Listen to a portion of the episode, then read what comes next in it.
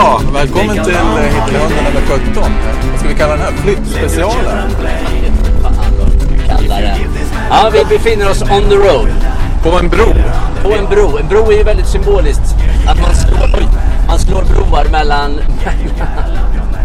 Jag höll på att köra in i trottoaren här. Jag Ja, se upp för farbrorn här nu. Han står visserligen långt upp på trottoaren, men man vet inte. Men man slår broar mellan, mellan eh, folk och länder. Och nya möjligheter kanske. Ja, vi har en ny Ja. möjlighet med oss idag. Ja, och som sidekick idag har vi Pontus här. Välkommen till Hitlerhunden. Tack, något oväntat, men tack så hemskt mycket. Ja. Eh, ja, vart är vi på väg? Som de säger i ett annat känt program. Det är vi på väg. Ja, på 10 poäng.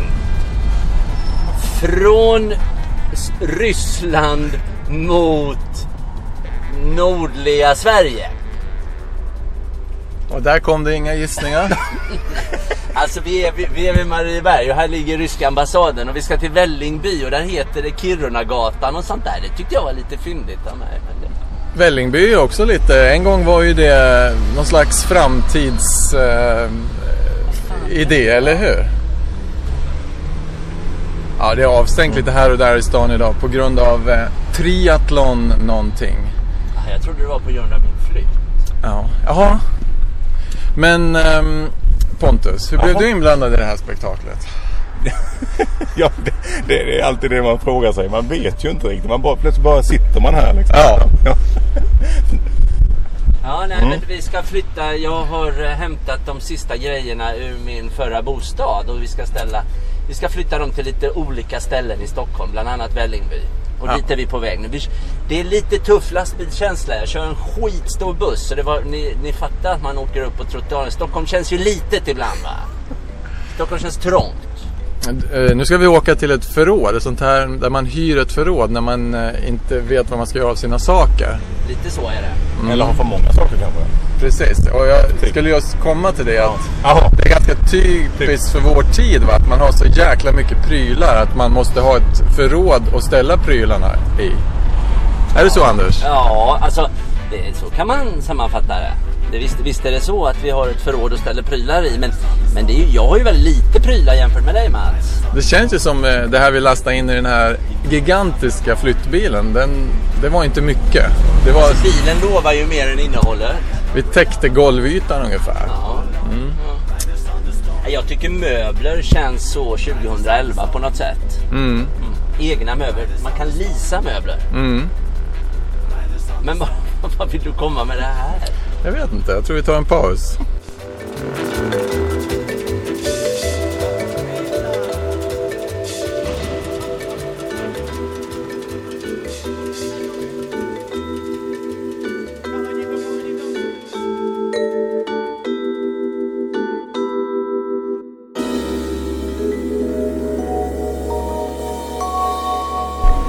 Ja, nu har vi varit, eller vi lämnar Vällingby. Det är ett sånt här förråd som eh, man åker förbi och undrar vad fan har folk i de där förråden egentligen? Och nu har vi fått eh, lite svar på det. Jag det, känner är, vart det här är på väg. det är lådor. Och Anders, du hade två halvtomma förråd. Ja. Hur kommenterar du det? Nej men jag är ju en man som, som det är ju hängsle och livrem. Ifall jag helt plötsligt impulsköper en uh, badtunna eller någonting. Då Ja. måste jag kunna ställa den någonstans va. Ja, men då förstår vi. Det finns en tanke bakom. Det är ju den sexiga versionen. Den andra är att det är, vi håller ju på med en stor lägenhetsrokad va. Ja. Så det är tillfällig lagring och det är oj oj oj. Så att, ja. Och nu är vi tillbaka till, på väg tillbaka och ska lasta in lite grejer ur den lägenhet vi nyss tog ur. Ja. Vad säger du om det Pontus? Verkar det, eh, är det en fullständigt logisk handling? Ja, det, utifrån kan det ju låta logiskt. Det är förvånande att det är samma prylar. Det verkar inte stor skillnad på Nej. Det är såna här lådor av olika slag och sen möbler. Ja. Det är En- konstigt att det är samma saker. Liksom. Men det är ju någon slags terapi det här tror jag. Ja. Vi jobbar med. För ändå har det ju, vi kan ju tycka att eh, ja, det spelar ingen roll vart vi kör de här prylarna. Men det har ju ändå varit en liten eh, diskussion om eh, vart de här prylarna ska föras. Och, eh, Alltså en diskussion som jag skulle vilja hävda var väldigt tydlig och enkel men, men det verkade som om mina, mina kamrater som är två ganska skarpslipade typer gick in i något slags ehm, hobo eh, slow thinking mode så fort de började jobba fysiskt och inte kunde, de kunde inte tänka själva. Ja, eller jag vet inte. nej men så är det nog. Åtminstone jag känner igen mig i den beskrivningen. Så är det nog. Ja. Eh, ja men anledningen, nu ska ju vi göra en skilsmässospecial sen. Men det här är ju en flyttspecial. va? Ja, det är det. Så vi lämnar allting. Eh, jag har ju gjort det här ungefär utan de här tillfälliga förråden då för cirka 5-6 år sedan. Så jag är ju rätt erfaren på det här på ett sätt. Och nu rasslar det i... Nu bråkar det där bak. vad heter det? Lastutrymmet. Men Ja. för dig är det det ju... sköter inte mina grejer nu där bak. Dig, vi sitter ju här tre generationer skilsmässobarn eller vad man ska säga. Jag har ju gjort det. Du har inte gjort, du håller på nu och Pontus han har inte ännu gjort det här. Nej, Nej. Ehm, tre generationer. eh, eller skilsmässoföräldrar. Ja, Eller, ja, ja, nej. bara, eh, bara två. Eh, eh, fullt Kom till saken. Legala, ja. Eh, hur känns det Anders att vara mitt i den här eh, processen? Alltså det är många känslor samtidigt. Det är, eh, det är fasansfullt eftersom jag och min före detta fru inte talar med varandra. Men vi ska inte gå in på det, det sparar vi till Ja, skilsmässospecialen. skilsmässospecial. och, och det är mycket, mycket ilska och eh, understundom ganska befogad ilska. Men, men eh, ibland obefogad. Och det är mycket, det är mycket skit. Va? Det är mycket skit. För, förutom det som vi har burit nu fram och tillbaka menar du? Ja, jag tänkte inte på det. Nej. Nej, men sen, men sen är det ju också väldigt skönt att, att känna att man gör rätt sak. Mm. Short term pain for long hålla term med om gain. att vi gör rätt saker en, sö- en solig söndag. Men jag förstår, vi förstår vad du menar. Ja, tack.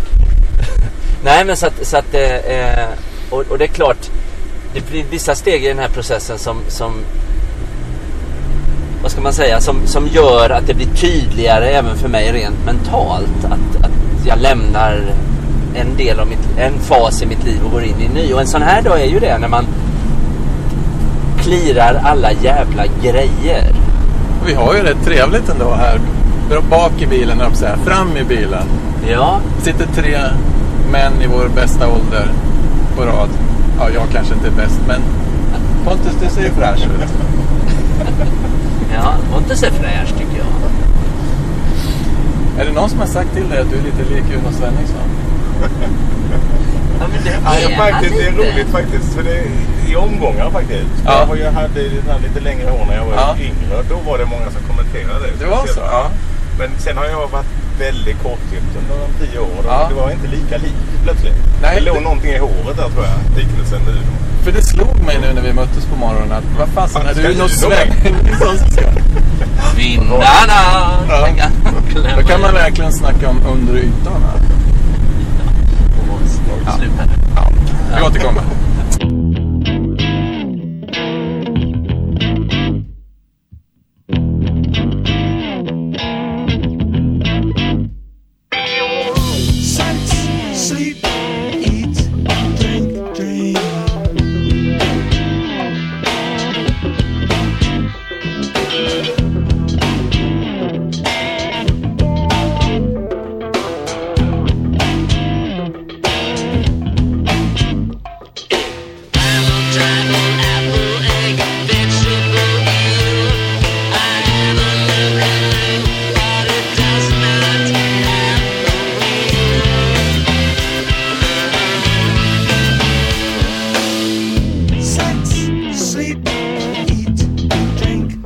Vi fortsätter väl eh, podcast nummer 17 här.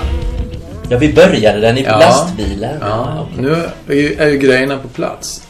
ja skapligt. Ja. I ett av de många, många platserna. Ja. Mina grejer på många platser. Den här lägenheten vi sitter i är ju ändå lite större än förrådet som vi ställde saker i. Mm. Men ja, och så har du fönster. Ja, det är fall. Den har fönster, men det är egentligen den enda skillnaden. Ja, nej då, vi, jag installerar det här nu. nu. Mm. Bra. Mm. Ja. Ja, Det- Ny tid ja, det är det. för många. Uppbrottets tid Ja. och nyetableringens tid. Mm. Man kanske skulle vara i det lite oftare. bryta upp, gå vidare, etablera sig på nytt. Jag, menar, Ja. jag har ju ofta, jag har berömt mig själv av att vara lojal eh, och stanna länge. Och då, nu tänker jag både på kärlek och jobb faktiskt. Mm. Eh, men jag vet inte om det alltid är så bra. Var, varför tror du att, om du, om du tänker tillbaka när du har, alltså vi kan, väl- vi kan väl börja med jobb för att jag, jag har ju känt dig ett tag och jag minns särskilt den anställning du hade där du, där du tyckte att det var jobbigt och att du blev pushed around på något sätt Ja. va? På, en, på, på ett, ett fajigt, en fajig reklambyrå. Faji, det måste, är det Husqvarna-mål eller? Ja, Jönköping? Nej, nej, menar det är rikssvenska som vanligt. Faji. Fajig är liksom Är det att var lite fl, flådigt, lite flott. Ja, alltså många- Högt upp i Hötorgsskrapan Ja, och sådär. utifrån sett så verkar det ju kanon. Alltså, Ja. Och då, men, men då vet jag att du- du gnällde ju på, på det dag ett när vi träffades. Du tyckte inte om det. Du, det var inte allt du inte gillade. Och sen, men sen stannade du jättelänge. Alltså, Varför gjorde du det? Jag vill bara korrigera där att dag ett, det var väldigt, det var bra i början. Jag sa inte dag ett där, utan dag ett när vi började prata. Ah, okej, okej. För då hade du ja, jobbat nej, men. Jag stannade ju där i nio år. Ja. Och jag skulle säga att det var sju år för länge. Mm.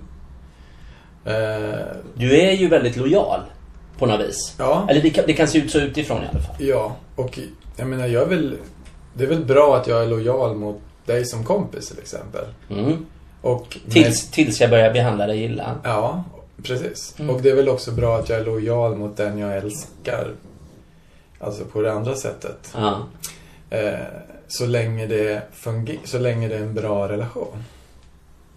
Så länge jag blir älskad tillbaka. ja.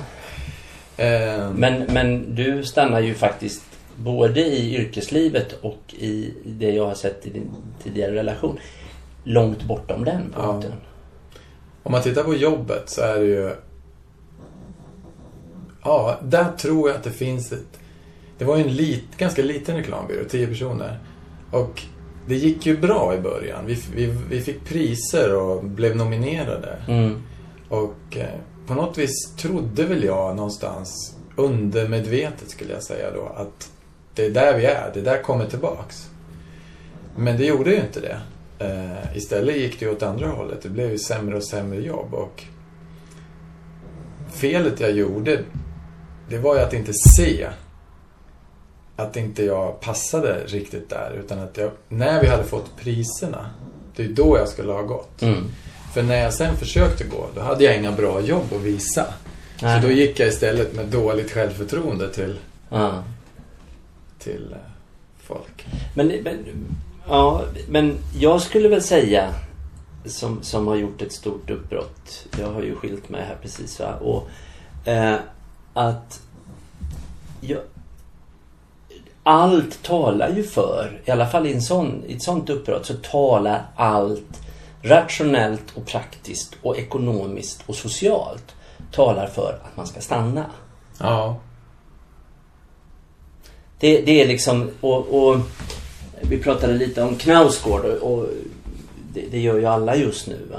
Eh, det, det verkar ju, alltså man kan ju bara göra ett stickspår här att det, det är ju eh, hiskeligt att det, det är väldigt mycket män som börjar älta sina liv. Vi sitter här och ältar våra Mm. liv.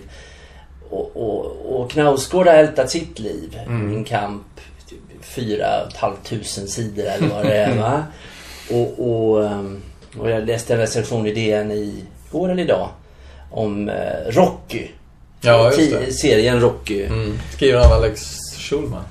Recensionen Recensionen, ja. ja. Och så Martin. Kellerman. Ja, det var en jättebra recension. Och han, alltså att, att, att naket berätta Mm. sanningen om sig själv. Hur, och, och Det var intressant då att Knausgård är klar nu medan Rocky, han kommer bara fortsätta. han kommer aldrig bli klar. Nej. Liksom. Nej. Men, men vad var jag? Jo, Män som ältar sina Ja, alltså det, det kan man ju bara nämna. Men, men Knausgård sa ju en sak som jag fastnade för i första delen.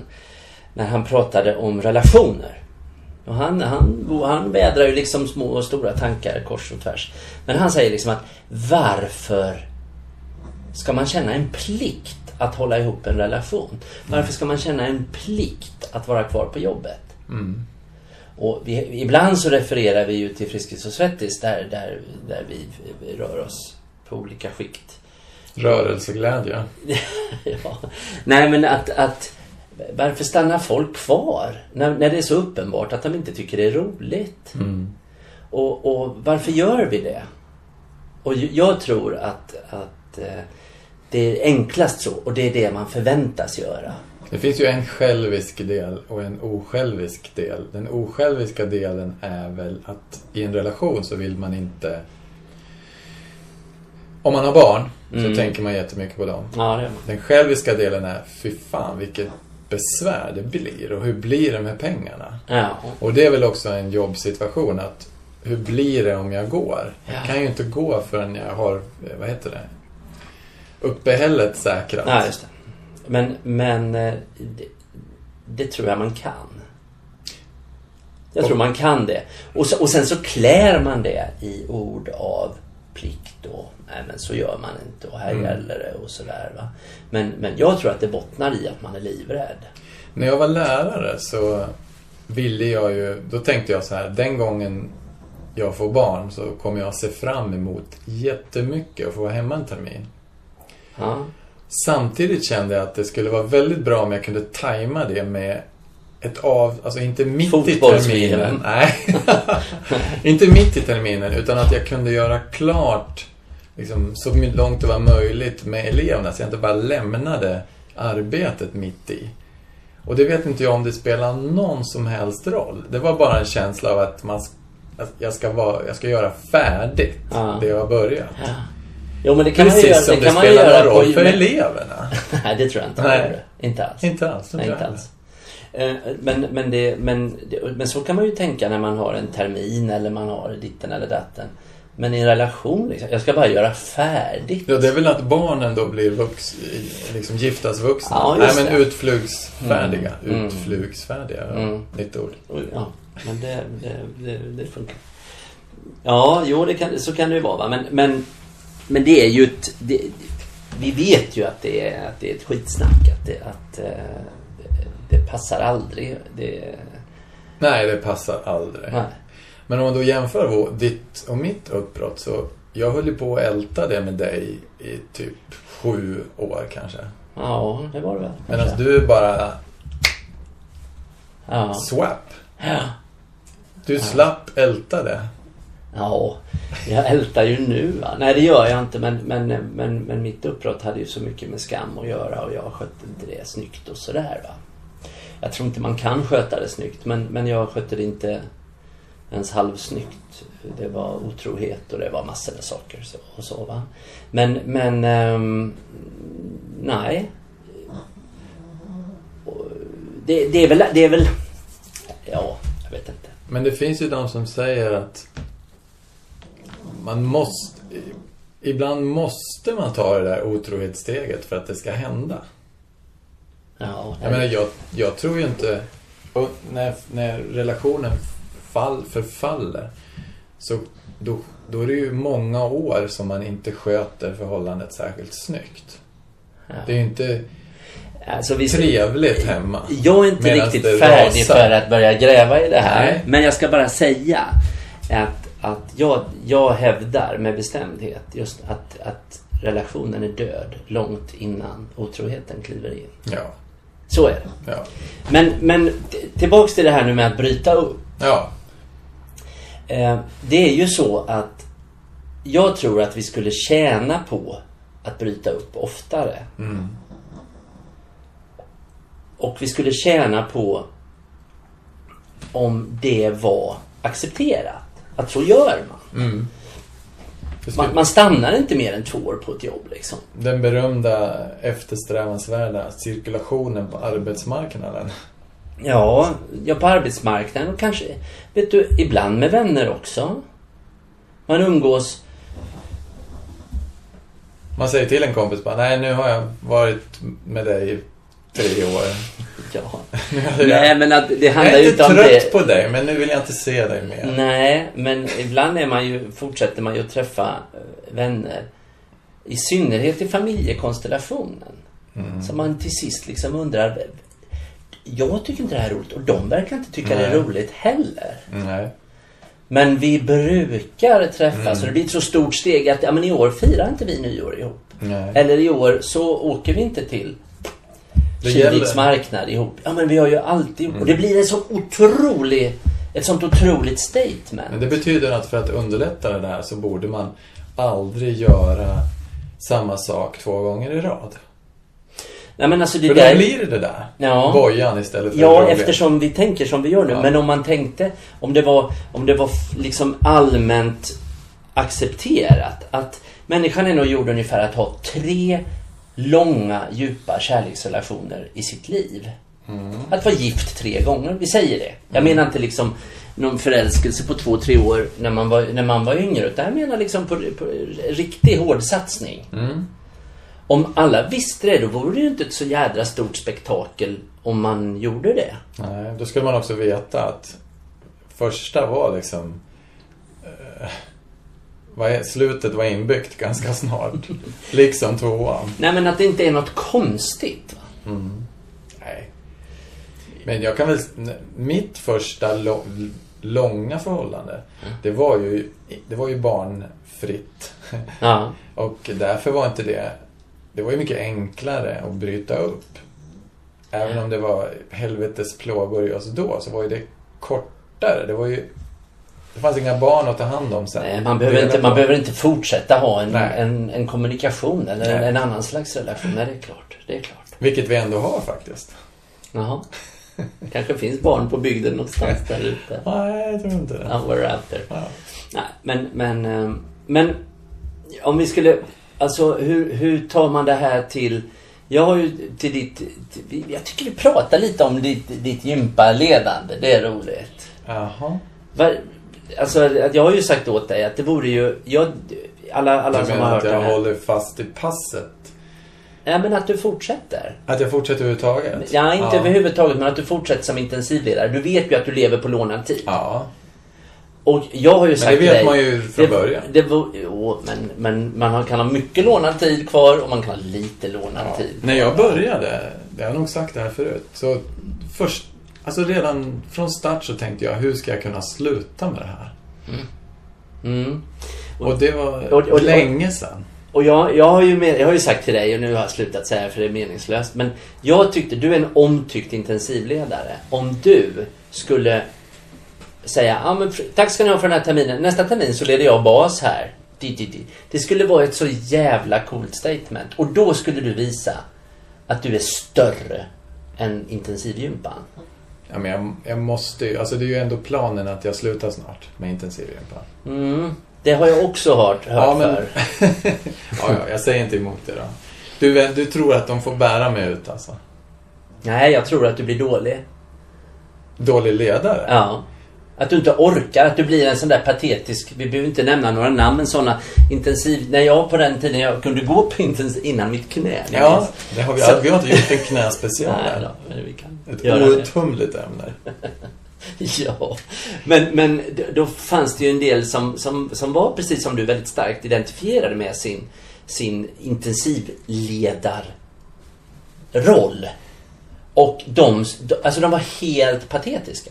De orkade inte. De var liksom bara tjocka och slitna. Det är inte du. Men då menar jag att det är ju synd. Men snart Det är ju synd om du ska vänta tills dess och inte sluta nu när, när guldäggsnomineringarna är där va? Men du vet ju att jag är väldigt medveten om det här. Ja. Och jag vet inte om jag identifierar mig hu- hur mycket. Jag vet att jag identifierar mig som intensivledare. Men Ja. Hur hårt det sitter. Nej, det vet man inte. Nej men du förstår. Jag vill sluta snyggt. Jag, ja, det, det är ju någonting man önskar alla människor va. Men, men ehm, vi- får väl se liksom. För att, för att eh, jag tror det är svårt. Och då tycker jag, och det är likadant, alltså alla, alla verksamhetschefer som jobbar ute i, i, i föreningar och sådär. När, när ska de sluta?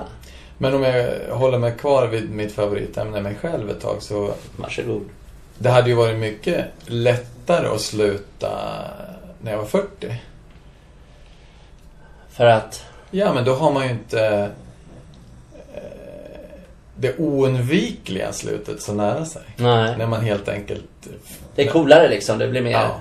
För då skulle folk förstå att han slutar inte för att han är gammal och trött. Nej. Ja, nu, nu har du målat in dig i ett hörn va? Men Jag är det, för, är, det för, är det för dig Jag som... går gärna i färgen. Klapps, klapps, klapps. Det har jag gjort så många gånger förut. Är det, är det för din skull de har köpt in såna här hjärt, hjärtstartare på, på anläggningarna nu ifall han, han rasar snart och gäller det liksom? Ja, det är, det är nog så. Mm, mm. Sen har jag ju en egen med mig varje gång också. Men den, den kan jag ju lämna hemma nu. En, ja, det kan du. Ja. Du sparar ju lite batterikostnader och så. Nej, men uppbrottet alltså. Vad, ehm, och att... Och Men det är klart det är fräscht med uppbrott. Ja, men det, är också, det blir ju också lite, lite... Ja, det är fräscht med uppbrott. Mm. Och det är... Och man behöver inte göra upp... Ja, ibland, om det inte är så viktiga saker, som till exempel gympa och sånt. Då kan man göra uppbrottet bara för uppbrottets skull. Det tycker inte jag man ska göra när det gäller kärleksrelationer. Det, blir, det Nej. känns lite hafsigt. Men det, människor är ju så fruktansvärt långt ifrån det. Va? Utan man harvar kvar trots att det inte är kul. Och man säger till Tänk vad fantastiskt. De har hållit ihop i 50 år. Det kan inte ha varit lätt. Nej, det kanske har varit tråkigt de sista 15 åren. Vad är det då som är bra med det? Tror du inte det kan vara sådana lyckträffar? Att Jo, jo, jo, jo, jo, jo. Men jag tror inte alla Nej. som är gifta idag och har varit inte tycker att det är Jag tror att det är ganska få förunnat faktiskt. Men då är det så här att nej, man, man gör inte så. Ja. Skärp dig. Och, och, och jag kan förstå att det var viktigt när eh, tidigare i historien när kvinnan liksom i, i, i princip frö, ja, det, var, det fanns inte liksom för att kvinnan var så ekonomiskt beroende av sin man ofta. Va? Så att, så att det, det, det, hon stannade och, och, och tog, tog stryk varje lördag och sådär. Va? Men uppbrott väcker ju människor, alltså omgivningen. Folk blir på något vis fascinerade av uppbrott, kanske avundsjuka. Ja, fast den avundsjukan i alla fall när det gäller eh, upp- uppbrott ur ett äktenskap. Det, den döljer de bra va. Ja. Och där, där tycker jag är ganska kul. För att jag tror att människor mår bra av att se andra människor göra dåliga saker. Ja, visst. Och ju det- vi, och vi blir, eh, vad ska man säga, illa till mods när vi, när vi tittar på människor som gör väldigt bra saker. Och då tänker vi, ja shit det där borde man göra. Man borde äta biodynamiskt och man borde säga upp sig och jobba frivilligt liksom och för Läkare Utan Gränser och man borde och man borde och titta och så, så liksom jävla Moder Teresa liksom. Stryk skulle hon ha. Men om det är någon som gör någon skit så kan man tänka, ja så, så hemsk är jag ju åtminstone inte. Och så mår man lite bra på det. Och så, och så rullar man sig lite i sin egen förträfflighet.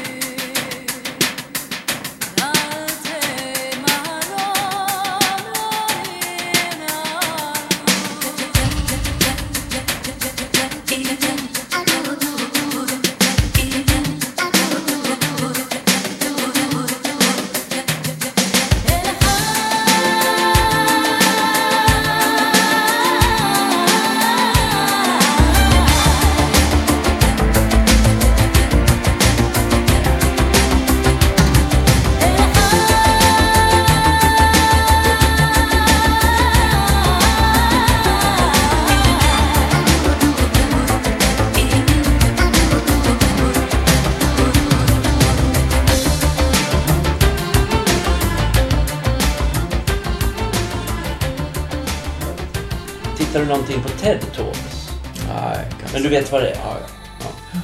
Jag såg... Eh, jag såg en häromkvällen med en kvinna som hade forskat i vad det, vad det är som gör människor autentiska. Och när hon tittade länge och länge och länge och jag ska ju inte ens försöka att åter. Vi kan lägga ut lä- länken på hemsidan. Ett fantastiskt TED-talk, 20 minuter. Där hon ser att det som gör att människor lever wholehearted kallar hon det, fullhjärtat. Det är att de är sårbara. Och då hade hon, då hade hon, hon, hon var eh, sociolog tror jag. Då hade hon forskat kring det. Vad är sårbarhet? Ja, det är alltså sådana saker som att vara en... Och hon hade intervjuat massor med människor och de hade också sagt sådana här saker. Liksom att ta initia, i, I relationen ta initiativ till sex. Det ju var, väldigt så. eller var den, Kan vara väldigt så. var den första som säger jag älskar dig. Mm. För man kan. Man kan. Ja, och man säger ja, jag, jag vill jättegärna det. Mm. Och så kan man bli nekad liksom. Men om man inte lever där. Då, då kan man heller aldrig koppla på andra människor på riktigt. Nej. Connection pratar om. Oerhört intressant samtal. Men att de människor som lever liksom fulla liv. De vågar vara sårbara. De vågar ta risken. Men det är ju Och det tyckte jag, det är väldigt befriande på något sätt. Va? det är ju skillnad att ta risker rent yrkesmässigt och ta risker på det personliga planet. Ja, alltså konsekvenserna är ju ofta värre på det personliga planet. Ja. I alla fall de tar hårdare i hjärtat. Och ta hårdare i hjärtat och kanske ta mindre i plånboken. Mm. Men är du, är du, skulle du säga att du går omkring och är sårbar? Ja, det är jag. Ja. Ja, det är jag. Det, det är Tror du jag. att folk märker det? Folk som känner mig Ja. märker det. Men det är inte många. Nej, det är det inte. Det är inte många, utan många... Däremot så tror många att de vet Ja. hurdan jag är. Ja, men du, är, ju- du tar ju för dig. Du är ju rätt bullrig liksom. Man kan ju få för sig att du är Ja. osårbar istället. Ja, och man kan få för sig att jag är sån. Mm. Självförtroende har jag. När du gör de där grejerna så då, du är inte os... Då Nej, nej, nej. nej. släpper ju... Nej, men jag kan det. Ja. Jag har ju tränat för fan i 50 år. Mm. Jag, alltså jag skulle säga att jag är en av de bästa jag känner på att göra sånt. Men det är inte jag. Jo. Åh. Nej, men, men och, det, och det är ju skillnaden. Jag tror vi har nämnt det någon gång innan. Alltså att jag har ett fantastiskt självförtroende men en ganska obefintlig självkänsla. Jag tycker om, jag är bra på det jag gör men jag är osäker på att jag är den jag är. Mm. Och att jag att jag är värd uppskattning och sådär. Och det, det, det är naturligt. Men, men det... Men du är ju inte någon som... Du är väl inte någon som viker ner dig för... Alltså om säger att om- ni är åtta stycken i ett rum och så tycker sju en sak. Då kan ju du fightas för din sak. Ja. Och det måste man väl ha rätt så bra... Fast jag är ju oerhört konflikträdd va. Men det intellektuella samtalet eftersom jag är snabb i käften. Där har jag ju ett övertag va. Ofta. Mm. Men, men, men jag är ju oerhört konflikträdd va. Det är ju inte, det är inte du tror jag inte på samma sätt. Alltså jag gillar inte konflikter men jag tar dem om Ja. man måste. Men jag gör inte det. För jag är rädd att någon ska säga Du, du ska vara glad att du överhuvudtaget får vara här va. Så håll din käft och infoga dig. Ja visst, du kan sitta här på min stol säger jag då. Det går bra. Jag, jag behöver inte sitta. Vad som helst va. Och det här är inte många som vet. Jag visste det knappt själv. Att det var så tydligt. Och det, och det bottnar antagligen i en rädsla att bli övergiven. Men då är, det ganska, då är du ganska långt från tanken på uppbrott när du väl kommer in i så fall. Och blir accepterad. Då vill ju inte du gå därifrån. Fast eh, ett uppbrott är ju också ett uppbrott ifrån den rollen. Mm. Men om det är en roll som göder. Då vill man ju inte släppa den. Ja, man vill, men det är svårt. För man, man jag har i alla fall en strävan efter att, att bli mer autentisk, att vara mer den jag är. Mm. Och då måste jag, och, och då har jag gjort ett jätteuppbrott här. Och mitt uppbrott handlar ju, som, som, som man förmodligen hör när jag pratar, va? det handlar ju inte om att skuldlägga den andra parten.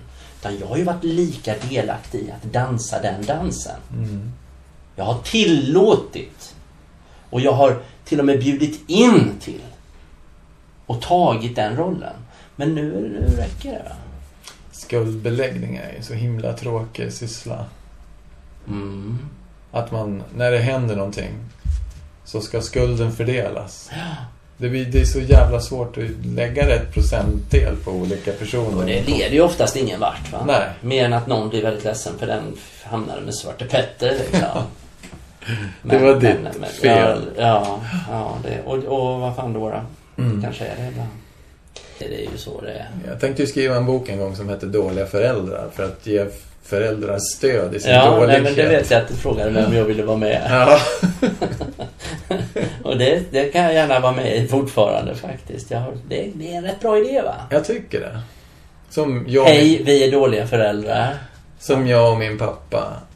Vi hade en grej som vi höll tyst om i 40 år. Ja. Som han gjorde mot mig. Som, jag vet, det var mer som en arketyp av, av en dålig grej som en pappa gör mot en son. Så att jag har berättat den många gånger. Men i själva verket vet jag inte om jag tog åt mig så mycket. Jag, han, ja, något är det ju med det eftersom du fortfarande minns det. Ja, men jag lägger inte någonting faktiskt honom till last för Nej, det. nej, nej. Det var liksom bara en grej. Jag förstår att det hände. Och jag har liksom, han är förlåten dag två, ja. tror jag. Ja, ja, ja. Och absolut, när han tog upp han tog upp det 40 år senare så var det ju, väldigt, var det ju rörande att han, att han hade tänkt på det. Mm, det är fint va? Ja. Alltså, det är väl, det är Han blev ändå- sur på mig för att jag avbröt ett simlopp. Och kom, istället för att komma insimmande till stranden så kom jag bakifrån gående. Han vände bara på klacken och åkte hem. Han sa ingenting. Han lämnade mig och morsan på stranden. Jag skulle ha simmat tre- 3000 meter i, Öppet vatten. ja, i öppet vatten. Och eh, ja, den här gången hade jag ingen lust. Jag hade gjort det två gånger förut. Men den här gången så, nej. Jag hoppade i och tyckte, nej, fan heller. För det var, det var för hans skull liksom. Nej, det var det inte heller. Men eh, det Nej. blev liksom som...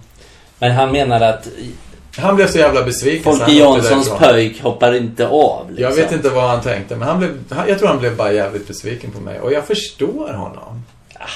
Men, men, men visst. Men jag är väl- förlåter honom att han åkte Det, därifrån. det, Det är men, ingenting. men att, att det räcker att vara tillräckligt bra förälder, visst är det så? Men han grunnade på det i 40 år och det var ju lite onödigt. Mm. Ja. Jag gav min pappa återupprättelse för, för sitt föräldraskap en gång. Och jag, jag, hade, jag hade kommit till viss insikt efter att ha själv blivit pappa. Mm. Då, då ställs ju allt på sin spets på något sätt. Om man tänker mycket hur var det när jag var liten och jag hade gått terapi och, och, och då också. Och, och, liksom, och, och faktiskt kommit på vissa saker där, där det handlade om att återupprätta min pappa. Min pappa, eh, mina föräldrar skilde sig också när, och de skilde sig när jag var tonåring. Och de, eh, den, den officiella historieskrivningen var att, att, att eh, det var min pappa som skulle det var han som var skitstöveln liksom. Mm. Och när jag blev äldre och sen så fattade jag att, att så enkelt är det ju inte va. Mm. Och då kände jag att det är nog ingen som har sagt det till min pappa. Så jag tror jag ska göra det. Mm. Så jag, vi bodde i Stockholm redan då och eh, pappa, vi var hemma ja, vid jul och, och då sa jag jag skulle vilja komma till dig. Det var kvällen innan julafton eller om det var då, juldagen eller så. Det var inte på själva julafton i alla fall. Du väljer julen till dramatiska... Ja, och väljer och väljer. Eh, men, men då så... Men vi går inte in på det nu. Nej, eh, nej, det gör vi verkligen inte. Men, men eh, då så... eh, Då började han med, För jag sa... Jag, jag ringde och sa till honom, du kan inte jag komma ner till dig ikväll? Jag, jag, jag har en sak jag vill prata med dig om. Och det första han sa, han hade ju haft dödsångest inför detta. För han har fått skit hela sitt liv. Eller hela sitt post-skilsmässoliv. För att han... Att han så sa han, Anders du måste förstå, sa han innan jag hade börjat. Mm. Att man gör så gott man kan. Mm. Man gör det man tror är rätt. Mm. Och jag bara, pappa ta det lugnt. Jag, jag tror jag kommer med goda nyheter. Och så berättade jag för honom så som jag... Om jag la pusslet så ser det ut ungefär så här. Och pappa bara grät. Han satt och bara grät. För första gången var det någon som, som faktiskt såg det lite hur han hade haft Mm, det. mm. Så det var ju en fantastisk stund va. Men, men eh, alla generationer tror jag, inklusive då Folke, din pappa, vill ju vara så bra som möjligt Mm. som, som förälder. Och sen, så, och sen så är det inte hela världen. Alltså man har ju gjort jättekonstiga saker som förälder. Alltså inga dramatiska. Jag har liksom inte misshandlat mina barn eller förgripit mig på dem. Men ibland när man är trött och, Ja, och sådär. Va? Så, så, så är det klart att det finns saker man ångrar. Ja. Men det, jag tror, jag tror att, att jag som barn och att mina barn, precis som jag som barn, på något sätt kan förstå det. Va? Min 18-årige son, han är ju lite inne på att eh, han håller på att lära mig nu lite grann att vara en bra förälder till Ja. femåringen. Så när han hör att jag låter lite vass, då är han ju där och... Och låter lite vass. och ja, precis. Ja. Och då vill man ju bara säga, vänta lite tills du har varit med. Fast, Det kan, det, fast så kan man ju inte säga. Va? Det är som att säga till någon, det kommer du förstå när du blir lika gammal som jag. Mm. Och det är jävligt taskigt. Kanske. Så får man inte säga. Men det är ju, snacka om uppbrott alltså. Barnen måste kliva ur eh, beroendet av föräldrarna och inte bara beroendet utan föreställningen om att man är någons barn Ja. på det sättet. Och, och vara en vuxen och ställa sig bredvid och se på det med vuxna ögon. Ja, jag har ju, jag har ju, alltså vi, Oerhört hälsosamt uppbrott. ja, jag har ju, jag har ju bara för några veckor sedan gjort ett sånt uppbrott med min, med min dotter. Som flyttade hemifrån redan vid 19 års ålder, vilket är ganska tidigt nu tror jag. Ja, Eftersom det är svårt att få bostad och sådär. Men jag, var, jag har ju varit här i, i alla fall. Ja, i Stockholm. Men, men eh, jag var ju med henne över i USA, i, i, i Kansas City och installerade henne. Hon ska läsa, gå på college där i fyra år Mm. och simma lite emellan. Eller hon ska plugga lite emellan och simma. Men, men ehm, det, det var ju, alltså hon tyckte ju det var helt magiskt bra. Mm. Och jag grät så jag trodde jag skulle Mm. gråta tarmarna ur mig. Alltså. Mm. Inte för att hon ska vara långt borta och inte för att det, det tar fyra månader innan jag träffar henne nu utan Alltså ABBA-låten 'Slipping through my fingers' nu är, nu är den epoken slut. Mm. Nu, nu går vi in i någonting nytt och det kommer jag tycka är jättehärligt. Men jag var inte med på att det skulle bli så jobbigt.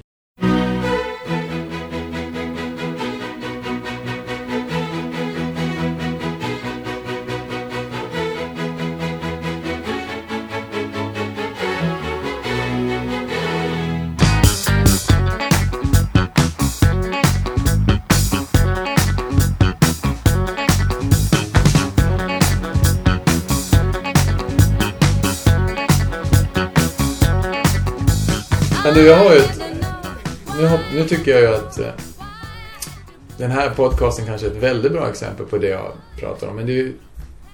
Att använda en pratpodcast som sömnpiller tycker jag är jättebra. Jag har ju alltid... Eller alltid, jag har många gånger lyssnat på musik när jag ska sova för jag tycker det är väldigt skönt och så liksom, märker jag inte när musiken tar slut. Mm. Utan jag bara vaknar till och så är det alldeles tyst och då vet jag inte hur länge sedan det är som skivan tog slut. Nej. Eller som musiken tog slut. Och då märkte jag att en podcast, eller prat, fungerar ännu bättre som sömnmedel än musik. Är det, om det är dåligt prat Nej, det hjälps. Det, det kanske går fortare då, det är mycket möjligt. Så vi kanske kan marknadsföra den här podcasten som liksom, världens mest effektiva sömnpiller. Ja. Men jag har även lyssnat på sånt som energiska Filip och Fredrik. ja. Jag har lyssnat på en podcast om mitt jobb som jag, alltså mitt jobb som copywriter, som jag tyckte var, alltså det var verkligen superintressant. Och låg där i halvslummen och, och var förvånad över att jag somnade mitt i det mest intressanta. Men... Alltså jag lyssnar... Alltså podcast... Men jag har, jag har vissa radioprogram jag lyssnar på. Jag har lyssnat på dem via eh, Sveriges Radio Play. Mm. Men då är det musik, eller? Nej, nej, nej, nej. Nej, musik lyssnar jag sällan på på Nej. radio. Mm, mm. Det blir jag trött av. Eller det blir inte musik i trött- mellansnacket menar jag. På radio. Nej. Nej, Nej, men jag lyssnar på... Jag lyssnar på... ehm, det är P1 vi snackar om. ja, det är det ju naturligtvis. Så det är liksom lite, lite lätt underhållning. Det är Spanarna. Mm. Jag lyssnar på På minuten. Mm. Och sen har jag några lite mer pretentiösa. Men, och så lyssnar jag på, på radioprogrammet Stil. Ja. Har du koll på det? Ja, Susanne Ljung ja, pratar ja. om... Fantastiskt bra radioprogram om jag, jag ska rekommendera någonting. Jag lyssnar ju när jag springer och ett tag sprang jag när stil gick. Så då hörde jag stil nästan varje gång. Men kan du förstå att... Men nu var det länge sedan. Om jag vaknar med, med, med gryningsdemonerna. Jag har ju, till skillnad från dig, så har jag inga problem att somna. Jag somnar som en bebis. Va? Mm. Utan jag vaknar igen vid, vid kvart över tre. Mm. Eh, Mellan kvart över tre och Varje timme. kvart i fyra. Va? Där ja, varje timme. Och så växer problem. Du skrattar. Det är jättejobbigt. Och då är det svårt att somna. Och så känner jag att jag måste sova någon timme till. Mm. Och då har jag lärt mig att stänga ute ljud. Alltså jag, jag måste in i bubblan på något sätt. Och det kan man ju göra då på olika sätt. Men att göra det till på minuten eller till Ja, Filip och Fredriks podcast. Ja. Det, det, det är svårt va? För att det är för, det är för roligt. Men stil med Susanne Ljungs släpiga stämma. Det funkar. Jag, jag kan tänka mig att, att Loco Loco skulle funka. Mm. För jag tycker de är rätt tråkiga. Men du menar att det inte har betydelse? Nej, jag menar att det har inte så stor Men jag, betydelse. men, men jag har en app som... Jag har en app som låter som regn. Åh fy vad irriterande. Oj, oj, oj. Jag blev lite kissnödig i början. Men, men åh, som jag somnar. Gör det? Ja, gud. Ja, den har jag när jag flyger också. Det är skitbra.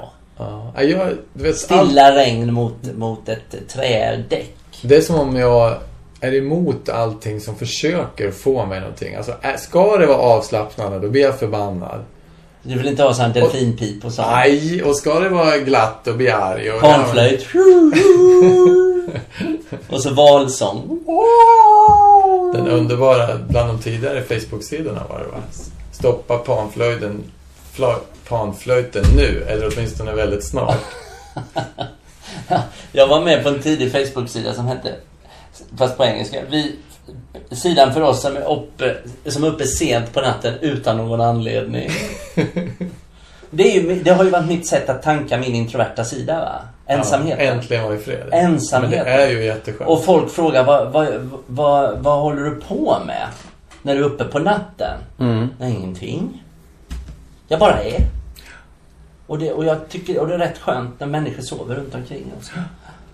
Men du, eh, nu börjar batteriet ta slut i inspelningsmackapären. så det kanske men- är dags men, att men, eh, jag, jag, skulle, söva jag skulle vilja... Ja, jag skulle... varenda lyssnare Ja, men med de, de de, sista sover sedan välformulerade ord.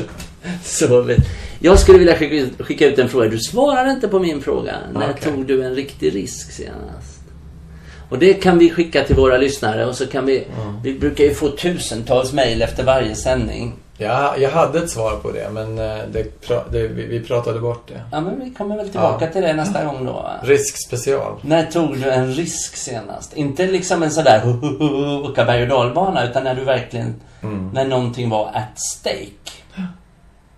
En pommes frites. Men med de orden. Vadå, en pommes Steak, frites? en pommes frites. Ja, men, ja alltså då, då, då, då är faktiskt min, min, min skyldighet och glädje att avrunda podcast nummer 17 som kanske i, i eh, klippet så har den inletts med en kaotisk tur i en flyttbuss och den slutar här i ett kök i Solna. Tack ska ni ha. Hej då. Hej.